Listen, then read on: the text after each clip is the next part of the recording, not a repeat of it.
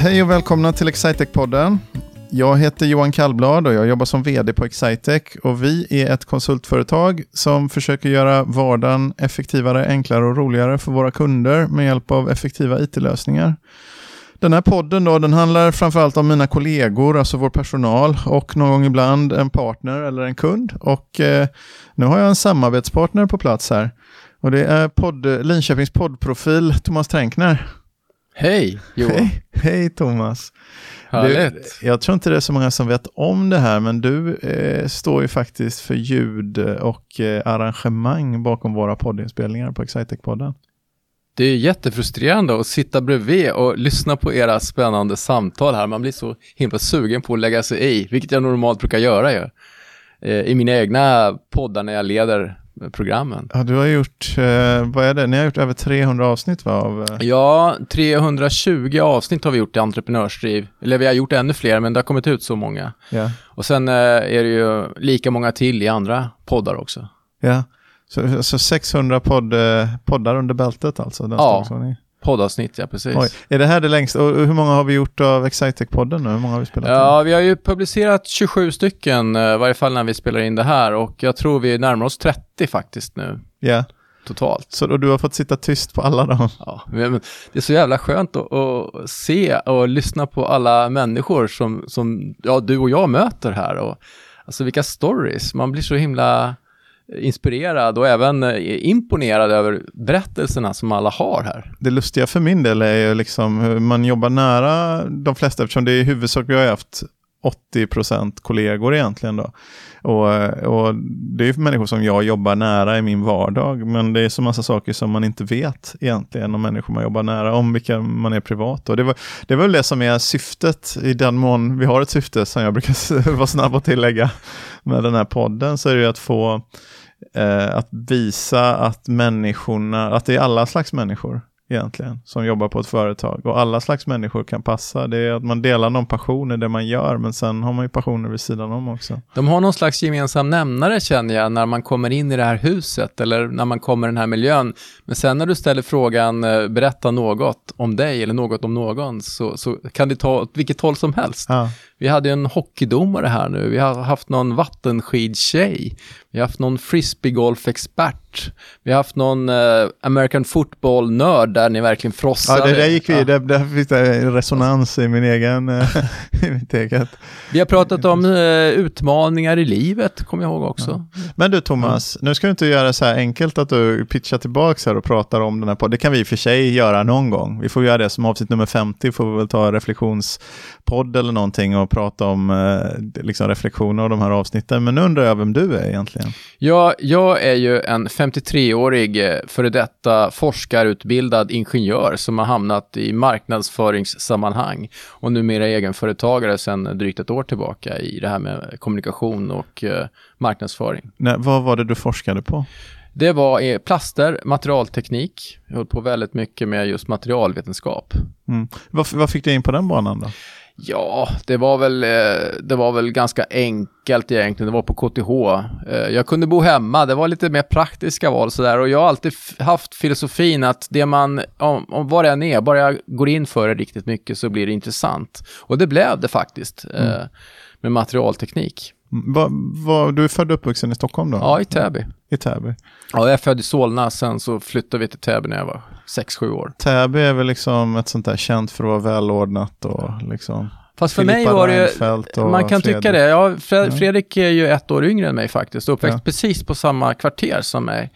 Eh, men för mig var ju betong alltså. Det, var mycket så här, eh, liksom eh, lägenheter, det var inte så där mysigt tycker jag när jag var liten. Det var mycket Ja. förortskänsla där, fast det var ju inte på samma sätt som det kanske är nu när man säger förorten då, men, men för mig var det väldigt mycket betong, så här Täby centrum liksom. Jag har inte heller hittat, jag har förstått att Täby är fint och man bor där och det är låg kommunalskatt och välbärgade människor. Men jag har inte riktigt sett, de få gångerna jag har varit i Täby har jag inte hittat storheten riktigt. Utan jag har nog mer hittat det, där, men det finns villaområden runt omkring va? Ja, det gör den. Det är, det är en stor, idag är det en jättestor kommun. Jag tror det bor mer än 60 000 personer där. Ja.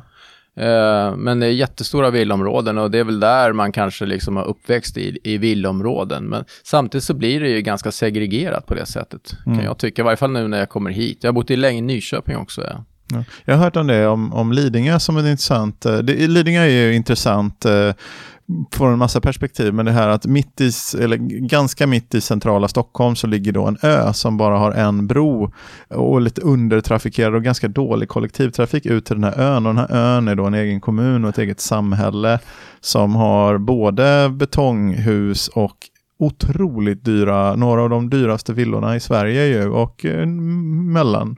mellan mellandyra villor, eller allt är väl dyrt på Lidingö, allt är dyrt i Stockholm, men, men det, är, det är en liten speciell, eh, men Lidingö är väl i huvudsak rikt då, men Täby kanske är mer en balans då mellan, Ja, det är på något sätt så är det lite så här olika riktningar. Eh, För, för oss var ju inte Lidingö någonting man var eller kände, utan Nej. vi hade ju Danderyd och Djursholm emellan och där var det ju liksom kanske det allra det det rikaste, dyraste. ja. dyraste som finns kanske i hela Sverige. Ja, så, så för oss fanns liksom inte Lidingö på samma sätt eh, eftersom Danderyd var ju där hela tiden. Ja, Och. Bromma ska vi inte glömma heller. Bromma också ganska, det har väl gjort en klassresa lite ja, grann va? Ja. Per Albin bodde ju, gamla socialdemokratiska statsministern, bodde ju i, i Bromma i ett sånt här radhus, eller om det var Ålsten, eller liksom där i den trakten. Ett jättefunkis radhus, väldigt folkligt då på den Mm. tiden. Nu är de ju superdyra, liksom, Mm. eh, radhus där, men det brukade vara det är nog en sån område som har gjort en klassresa då. Men så din egen resa då, från Täby till, eh, till eh, KTH? Ja, plugga där i en massa år. Jag började ju forskarstudera där också sen Ja. i fem år på halvfart. Jag gjorde det. Och flyttade ner till Nyköping, började på Studsvik där, för där hade de ett labb. Och där tänkte jag, nu ska jag jobba med sånt som jag har lärt mig och läst om. Så det gjorde jag. Jag höll på med det ytterligare i 12 år. Ja. Så det var mycket... vad gjorde ni där då? Där, det var ju ett eh, provningslabb för um, plaströr, la, ledningar, gasledningar, plastledningar, kvalificerade eh, dem för att bli godkända och att användas eh, för det de skulle användas. Okej, så det var, var det olika industrier som Ja, använde det er var som stora, stora kemiföretag runt om i hela världen som skickade sina råvaror dit och i, i form av plaströr som vi testade då och godkände. Ja. Så det, det var jättespännande. Jag var ju, fick ju resa över hela världen då. Helt otroligt. Jag kommer ihåg första resan var till San Francisco veckan innan jordbävningen där, Ja. eh, eh, 1989. Ja, det är länge sedan. Veckan innan jordbävningen? Ja, det var faktiskt jordbävning bara någon vecka efter. Det var Ja. en stor jäkla jordbävning. Ja, det var det. Skakade så här Bay Bridge liksom. Man har sett de där bilderna. Det blir så här svängningar i broarna liksom. Jag tror de... Ja, ena rasade väl ner. Ena... Det är väl två stycken våningar på den va? Jag tror ena Ja. rasade ner om jag minns Ja. rätt. Jag har faktiskt varit med om två sådana där äh, rikt, riktiga, det där, det där var jag inte. Nära ögat. typ Jag var nära döden-upplevelsen någonstans. Jag var i Taiwan senare också. Och då, när jag var där, då var det värsta jordbävningen även där. Alltså det, det var 50 år sedan innan och det här var typ så här 7,5 på Richterskalan. Riktigt jäkligt Ja. alltså. Så jag bodde på ett hotell där på tolfte våningen så stod det en vas ovanpå tvn. Då på den tiden hade vi tvr så stod man för Så tjocka som man ställa en vas på. på ja. Men den där åkte fram och tillbaka så här. ja. Alltså 30 centimeter och jag bara shit. Och, och sånt stort hus, så kraftig vibration. Då, vi, då, då kände jag riktig rädsla. Mm. Så här, riktig jäkla rädsla för första Hur gången. länge varade det då? Nej, det var inte så länge, men eh, det kom ju tillbaka sen igen. Och så kom jag ihåg att jag tog hissen ner. Och hur fan tänkte jag då liksom? Mm. Det, det är det sista man ska göra. Men så hade de en sån här, eh, någon slags pool, eller vad kallar man det för? En, en, en, eh, fontän, en Ja. samling med vatten utanför. Och där kunde man se de här vibrationerna Mm. på Det ytvågen. var liksom en våg på... Ja, och så var det någon eh, som sa att ja, det här är ju det är bra att vara utanför, men det finns ju faktiskt ett parkeringshus här under så att det kunde rasa igenom. Ja, ja. Nej, men det är mycket sådana där saker man Hur kommer mycket ihåg. reste du på den tiden då? Det var väldigt mycket. Det var ett stort sett halvtid Oj. eh, över hela världen faktiskt. Ja. att, Men det var inget med försäljning och så, utan du Jo. var utförde? Jo, det var, det var mycket försäljning faktiskt. Ja. Det, och rapportering. Var ju, vi, man var ju liksom, eh, vi var ett sammansvetsat gäng. Vi var kanske 12-15 personer. Fyra, fem stycken som var liksom eh, eh, lite mer ansvariga för, för uppdragen av kunderna. Så vi åkte iväg och rapporterade och sålde in fortsättningar Mm. och, och sådär. Så att, det, jag kommer ihåg när vi var, och speciellt i Japan, så halva resväskan var ju med presenter Ja. med tenn eh, vikingbåtar och dalahästar. Jag hade optimerat storleken på dem där för att det skulle få plats. Jag tror jag hade 50 såna fint inslagna små paket med mig. Okej, så det var en del i den Ja. lokala kulturen där, Ja, att man det skulle var det. Ja. ha med sig någon liten gåva. Alltså för mig var det ju mycket det. Jag gillar ju att resa. Det var ju det som var liksom nummer ett. Jag hade en kompis som pluggade på MIT då när, när vi pluggade. Jag var ganska avundsjuk på det där. Mm. Han var gästutbytesstudent, eller uh, postdoc-student Mm, där. Och jag var och hälsade på honom några gånger. Jag tänkte det här vill ju jag också göra. Mm. Du har ju varit i USA, du Ja. vet ju hur det är. Ja, absolut. jag tror jag Ja. känner igen den, den lockelsen med det där. Ja. Va, men så 12 år på nere i Studsvik utanför Ja. Nyköping då? Bodde du där? Ja, bodde jag bodde, jag bodde inte i Studsvik för det ligger ju liksom ute i skogen. Ja. Jättefint. Man ser det när man åker, om man seglar och åker inre farleden upp på väg upp mot Stockholm där. Så, så, Ja, men det, var, det var en fantastisk miljö och rent liksom det här med, med företagandet och även entreprenörskapet och det här med att utvecklas i sin roll, det var super. Men sen var ju inte, i övrigt var det egentligen inte så mycket att ha där. Eh, som, som när vi sitter här i Linköping. Eh, jag var där i 12 år, sen träffade jag en tjej och hon är ju härifrån, Karina. Ja. Och eh, då flyttade vi hit.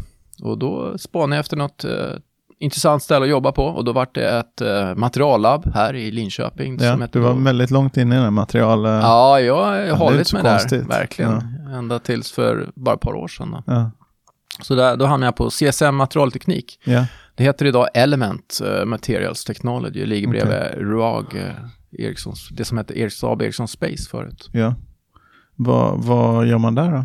Där håller man på och ser till att allting som sitter på jasen sitter kvar och att det inte går sönder. Det kanske är viktigt. Ja, det är Det är jätteviktigt. grejer som smäller och dyra saker. typ så här vingarna är schysst gjorda och de som tillverkar vingarna vet hur de ska göra. Och, Men är det också provnings och tester? ja, det är det eller? också, men det är mycket också det här med kvalificera processer och ja, massa, massa andra val av material handlar det också om. Och Mm. Leverantörsrelationer och sånt. Hur var det då? Ja, men det var jättekul. Man fick hålla på med maffiga grejer liksom. Vi höll på också en hel del med, med, med robotar och eh, ammunition och allt sånt. Förskräckligt kan jag tycka så här efteråt, men det var ju spännande Ah. materialtekniska utmaningar med det där. Ja, man tänker kanske inte så mycket på tillämpningen då nödvändigtvis. Man...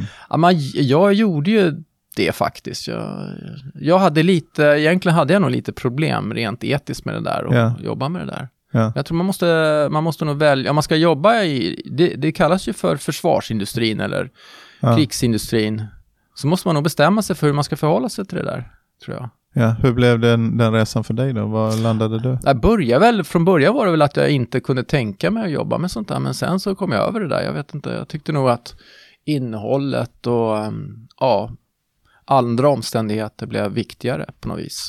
Det kändes ändå så avlägset att vi, jag menar, det, är knappt någonting som används idag av det man gör. Nej.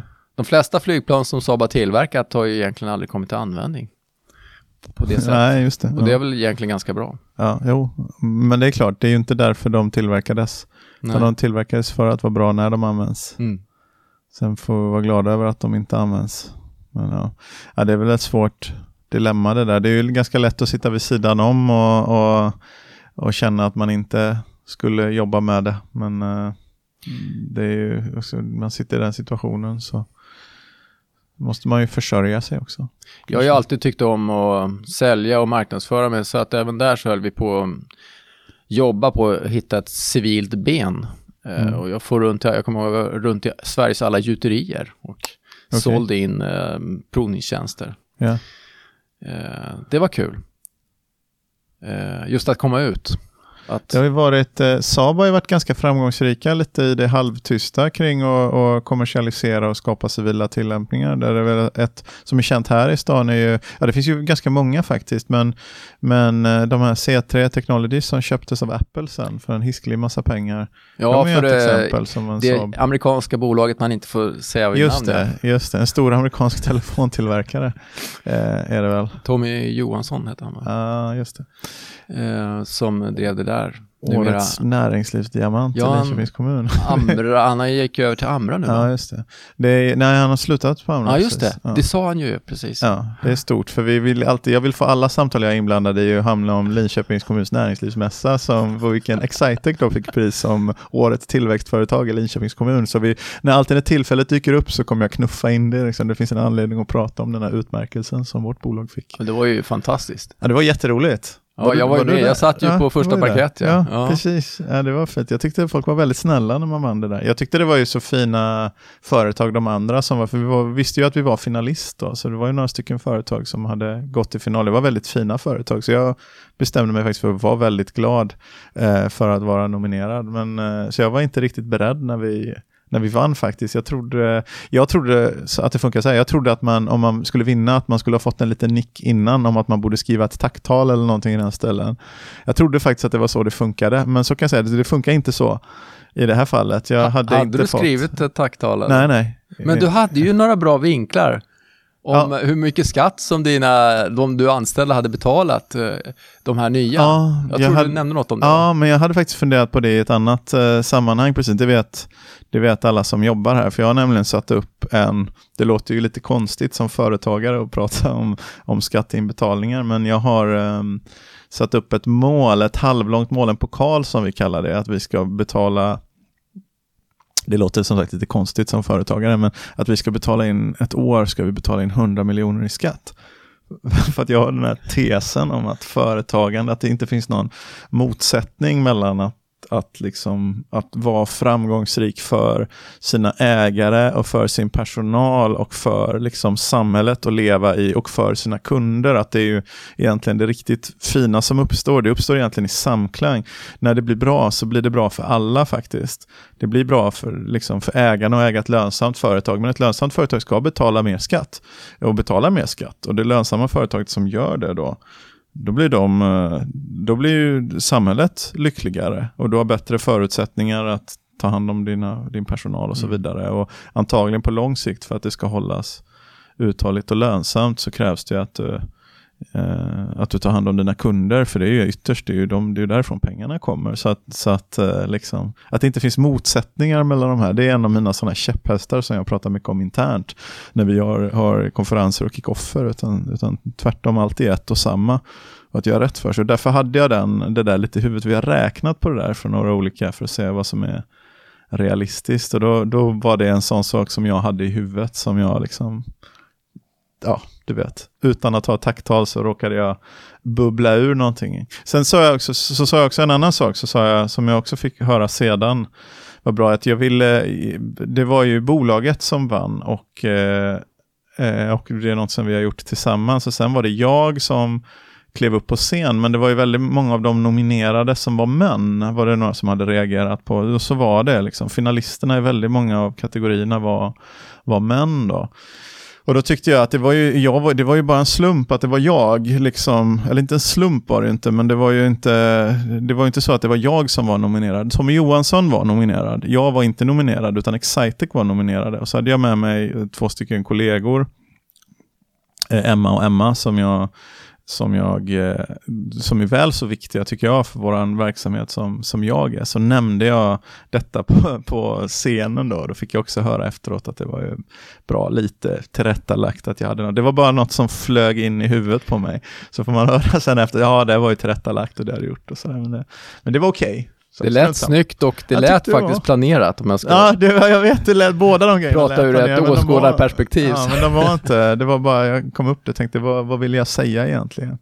Jag hade nog egentligen, hade jag planerat så hade jag inte gått upp själv, där jag låtit någon annan gå upp tror jag. För det var, det var inte jag, utan det var bolaget eh, som var nominerat helt och hållet. Och jag var bara en representant för bolaget. Det, det känns ändå som att du är lite stolt över det här och att det var lite oväntat. Du tar ju till det. Det är ju liksom en, lite, ja, ja. lite ett erkännande. Nej, men jag, eh, jag var jätteglad över det. Jag trodde inte sådana företag som vi, vi bara toilar ju på liksom.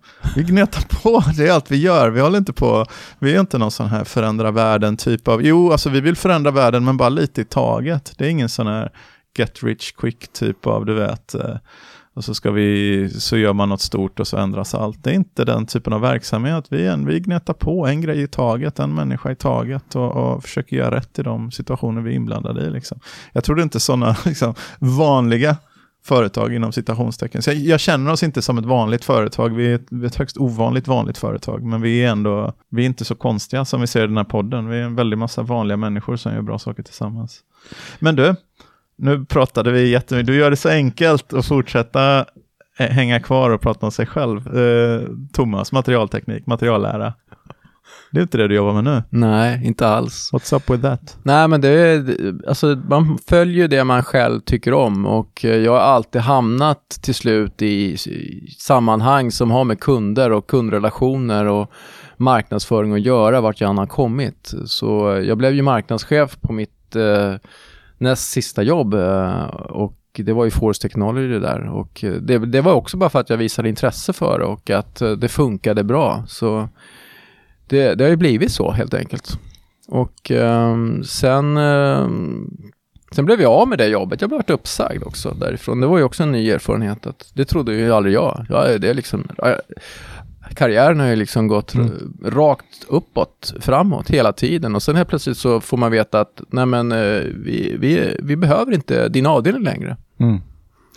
Och då, då var det ju en helt ny situation. Hur var det? Hur... Det var en chock. Jag visste inte vad jag skulle göra. Jag hade inte alls förberett på det där och jag, liksom, jag jobbade jättemånga år i den här rollen och jag, jag, jag tänkte jag måste ha ett nytt jobb. Ja. Och uh, det gick alldeles för kort tid egentligen. Jag skulle ha väntat längre och uh, det skulle liksom landat i sig själv på något sätt. Så det är ett tips till alla som blir av med jobbet ta det lite lugnt. Du kan ju få lämna, vi har ju ett segment som du vet på den här podden ja. som heter att någon berättar om något och idag är det ju du som är någon. Ja, ja. Så att eh, om du vill berätta om något. Ja, um, ja om man ska ansluta till det här så, så det handlar mycket om att hitta sig själv. Tror jag då, då. om vi ska gå tillbaka till liksom och gå vidare bara på det här med att bli uppsagd. Och då börjar man reflektera väldigt mycket på sig själv, vad man vill och vad man går igång på. Ja. Och eh, det var just det här med att eh, hitta energin till att göra saker och komma på vad man inte trivs med och framförallt vad man trivs med. Och det ledde ju till att jag startade företag för ett år sedan, förra sommaren, eh, tillsammans med en god vän, Magnus H Johansson, som var i, med mig hela tiden då. Men det funkar ju bara om du har en riktig drivkraft och har en passion för det här, för att annars så har du inte tillräckligt med energi för att stoppa in för att få det här att börja flyga. Det hade jag aldrig kunnat tänka mig för fem år sedan att jag skulle sitta mm. i den här situationen och vara egenföretagare och speciellt inte med mikrofoner också, vilket också är en märklig historia. Uh, men det handlar om att uh, jag har sån jäkla passion för det här. Så det tar aldrig slut. Va, det här med mikrofonerna och att du att du hamnade i den änden av marknads... För du, vad ska man säga? Du är digital marknadsförare. Ja. Lite grann med fokus på nya medier kan man säga Ja, så. det kan man säga. Eh, kommunikation, innehållsproduktion eh, och poddande framförallt. Och, mm. och kanske också det här med att intervjua människor. Det visar sig väldigt lätt för mig att göra. Jag har intervjuat hundratals människor, kända och okända. Och Eh, det är som att tänkt, tänkt att stå du, längst uppe på ett fjäll. Du har intervjuat mig till exempel. Ja, verkligen. Mm. Ja, tillsammans med Magnus. Mm. Tänk att stå längst uppe på ett fjäll och det är fullt med puder och du står där med skidorna, solen skiner, det bara kastar sig ut och åka ner. Så känns det för mig att sitta i en podd. Alltså det, det är sån känsla. Det är här jag ska vara liksom, känner du Ja, så? men det, så, det känns så rätt och så bekvämt, så på något sätt, ja, det är jag. Ja. ja. Uh, nej men det, det började med, när jag hade det här marknadschefsjobbet så kände jag ingen i Linköping. Jag kände att jag hade liksom ingen att vara med och snacka liksom saker som... Hur menar du? Du kände ingen, ingen professionell? Ingen eller? professionell marknadsförare sådär. Ja, och jag behövde, dels behövde jag ett bättre nätverk. Men så var jag jäkligt sugen, jag hade börjat lyssna på poddar och så var jag sugen på liksom, fasen det här vore ju coolt att göra. Så jag höll på jättemycket med svetsbranschen på den här tiden. Mm. Eh, var ganska engagerad i hela den branschen. Tänkte vi gör en svetspodd. För de företagen, de behövde, tänkte jag, lite, lite hjälp på traven, men det var ingen som tände på det. Och då gick jag till Magnus Johansson då och frågade, tjena Magnus, du skulle vi inte kunna göra en podd om företagen istället? Ja. Why not, sa han. Och det här var, vad, vad gjorde han, han, då? Magnus är ju säljutbildare och säljcoach, mm. säljtränare och jag är egenföretagare sedan tio år tillbaka och jag hade hyrt in honom som inspirationsföreläsare. Men sen hade vi börjat hänga lite grann och bli lite kompisar och sådär. Eh, och eh, det hakade han på. Det här var i mars 2015. Alltså tre och ett halvt år sedan. Mm. Och sen dess har vi hållit på. Mm. Men då gjorde du det inte på, du gjorde det lite vid sidan Ja, om. helt och hållet. Det var helt ideellt. Ja. Men det hade jag lite glädje av sen när jag startade företag. För jag började få förfrågningar då från Styrelseakademin och från Sankt Kors som är det kommunala fastighetsbolaget mm. där och göra deras grejer. Och eh, började inse att det här funkar ju. Och nu så kan jag delvis leva på det.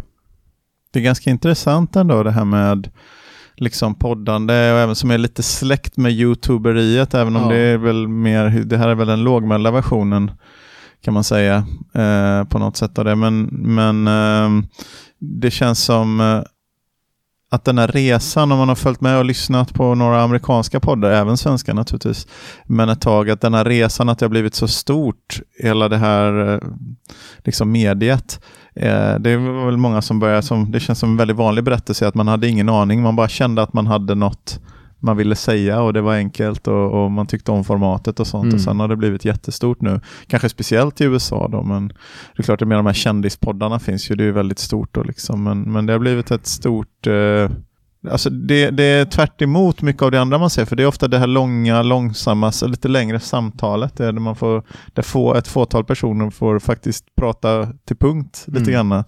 Det är så tvärt emot mot den här eh, andra, liksom det vi ser på tv och korta YouTube-klipp och så här. Det, är- det är ganska annorlunda. Jag läste någonstans att uh, genomsnittliga YouTube-filmen uh, kollar man på i fyra minuter Ja, och en podd eh, kan man lyssna på i en halvtimme i Ja. genomsnitt. Ja. Du har en helt annan pace tror jag i poddandet och du är liksom på något sätt ostört. Du, du tillåter dig själv på något vis att vara där tillräckligt länge. Jag menar, jag kan ju i YouTube-klipp som är dåligt, jag kan tappa intresset efter Ja. 20 sekunder. ja, ja, ja absolut. Det är svårare när du ska med bild också. Liksom. Ja. Det. Fast det börjar komma rätt mycket nu. Jag, har en, jag gör en hel del jobb med bild eller film och grejer. Fast med bra ljud då. Vad tror du att du gör om eh, fem år då? Då tror jag att jag kanske har någon anställd eller så har, har jag etablerat ett bra nätverk utav andra som jag jobbar med. Men jag tror jag håller på med, med det här fortfarande. Mm. Eh, jag tror att jag har fått ganska bra snurr på det.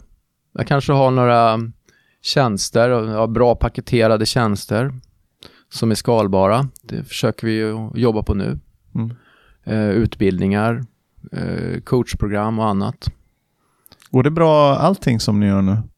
Känns som du är inne på social, social selling typ Ja. av grejen också Ja. LinkedIn och det är Nu också är, väldigt det, hett. nu är det ju också mycket på det här med att vara inom talent management och Ja. employer branding och sånt, alltså sånt som har med att hitta folk att göra. Och de, de inser, de, de som jag hjälper har ju förstått att det är väldigt viktigt, ungefär som det vi gör i den här podden, du gör i den här podden, att vara attraktiv som arbetsgivare och man måste synas mer och att det här corporate communication, det funkar inte längre, utan det måste vara mera personligt, Ja, mänskligt. mänskligt ja. ja. Måste visa din, din, din personliga sida. Mm. För företag kan bli ganska lika varandra. Ja. När de är, om man inte kan definiera sig via produkten, att det man gör är helt annorlunda, så kan man bli ganska lika varandra när man pratar om Mm. värderingar och Mm. kultur. Men sen, sen kan det ändå skilja väldigt, skilja väldigt, väldigt mycket. Men det är svårt Mm. att sätta fingret på. Alla kan skriva fyra stycken sköna värdeord och sätta upp på väggen. Mm. Liksom. Men, men sen vad, vad betyder de egentligen? Det, var väl, det är nog egentligen det som har utkristalliserat sig i det här poddandet som vi håller på med här på Excitec. Att vi tyckte att ändå, ja, men på något sätt så kan man, om man tar till sig det här, så kan man nog förstå lite mer om hur vi är och vilka vi är och kanske förstå om, om, man, är, om man också är Excitec-arre. Och då kanske man kan söka sig till oss om man känner att man är det. Ehm, så, Sen är det ju massa spännande saker som händer när man gör en podd. Alltså jag tror man kan på något sätt och vis växa sin självkänsla. Att man, man eh, reflekterar rätt mycket på vem man är. Om man sitter så här och pratar om det Mm. och vågar prata om det och tro på sig själv och sådana här saker. Jag märker det på en del gäster som jag har haft återkommande.